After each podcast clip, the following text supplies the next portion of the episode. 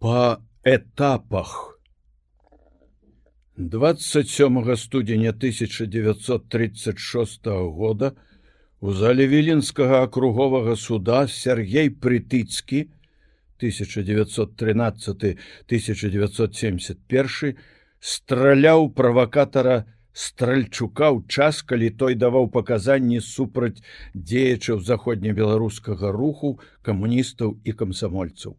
Цяжка параніў яго сам атрымаў некалькі раненняў, быў схоплены і асуджаны на смерць. Але паўсюль пракацілася такая хваля абурэння, што смерць замянілі пажыццёвым зняволеннем. Заходняя Беларусь веравала.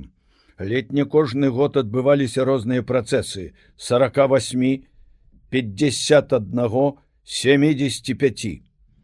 Пасля разгрому грамады масы пайшлі ў таварыства беларускай школы. Паўстанне многіх соцень сялян рыбакоў з нарачы за тое, каб ім вярнулі роднае возера іхнюю любоў і іхні хлеб прагрымела па ўсёй краіне. Аб'ядналіся сілы ўсіх прыгнечаных народаў панскай Польшчы.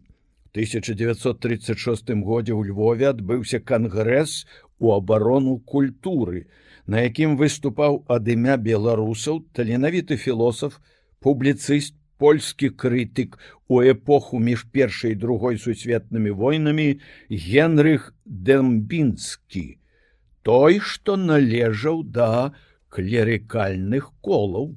Быў імі накіраваны ў італію каб пераканаўся там у перамозе і велічы фашызму.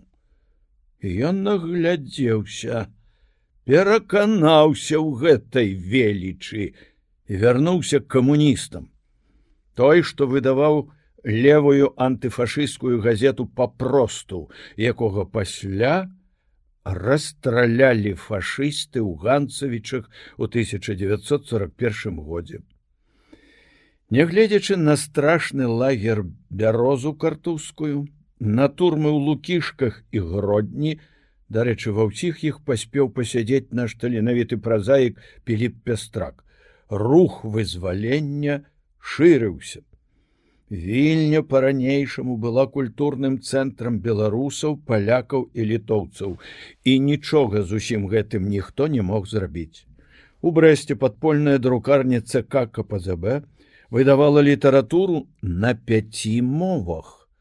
Самымі значнымі паэтамі ў заходняй Беларусі былі Валентин Таўлай 1914-1947, аўтар высокай грамадзянскай лірыкі і турэмнай паэмы таварыш.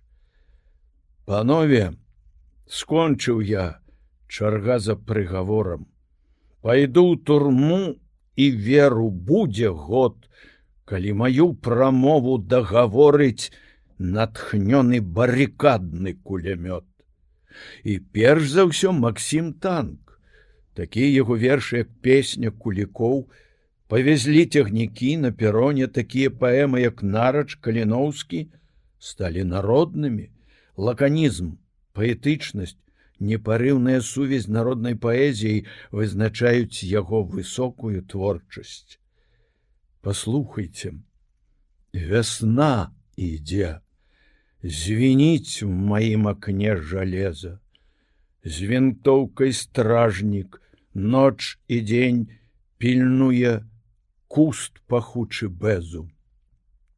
А ён расцвіў, агнём гарыць, такім пахучым, мяккім, сінім, надрот калючы на муры, як хустку полымя ўскінуў. Я ціха разбудзіў другіх, ад слёз сінелі вочы бэзам, і недзе, хруснула ў худых руках і ржавае жалеза. Побач з паэзіяй нянавісці танк ствараў чысцейшай вады лірычныя дыяменты. Пра лірніка, які памёр у нетрах, пра сінякрылага матыля над жытам, пра стагі, што ржавеюць ад дажджоў і ласёў, што прыходзяць да іх у снежную сінь, скубуць сена і ўяўляюць цёплае лета і белых чаек над балотам. Яны не чуюць завірухі, ціш першабытная кругом. І выстрал, што ударыць глуха, ім прагучыць, як першы гром. Не гінула і іншае упарта існавалі народныя клубы з п'есамі і песнямі народныя хоры, спевакі, кампазітары, хармайстры. Напрыклад, дасканалы хармайстар рэгор шырма, шматгадовы кіраўнік беларускай харавой капелы. Вось я уяўляю сабе яго разумнае, добрае аблічча, сівыя валасы і бародку, чую голас такім характэрным пявучым акцэнтам. У сэнсе апрацоўкі беларускай народнай песні шмат было людзьмі зроблена.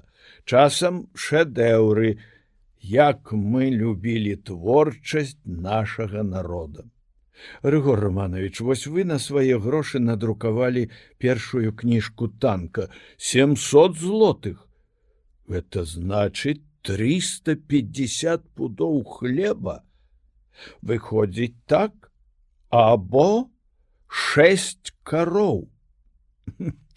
Ну что ты з імі з такімі зробіш?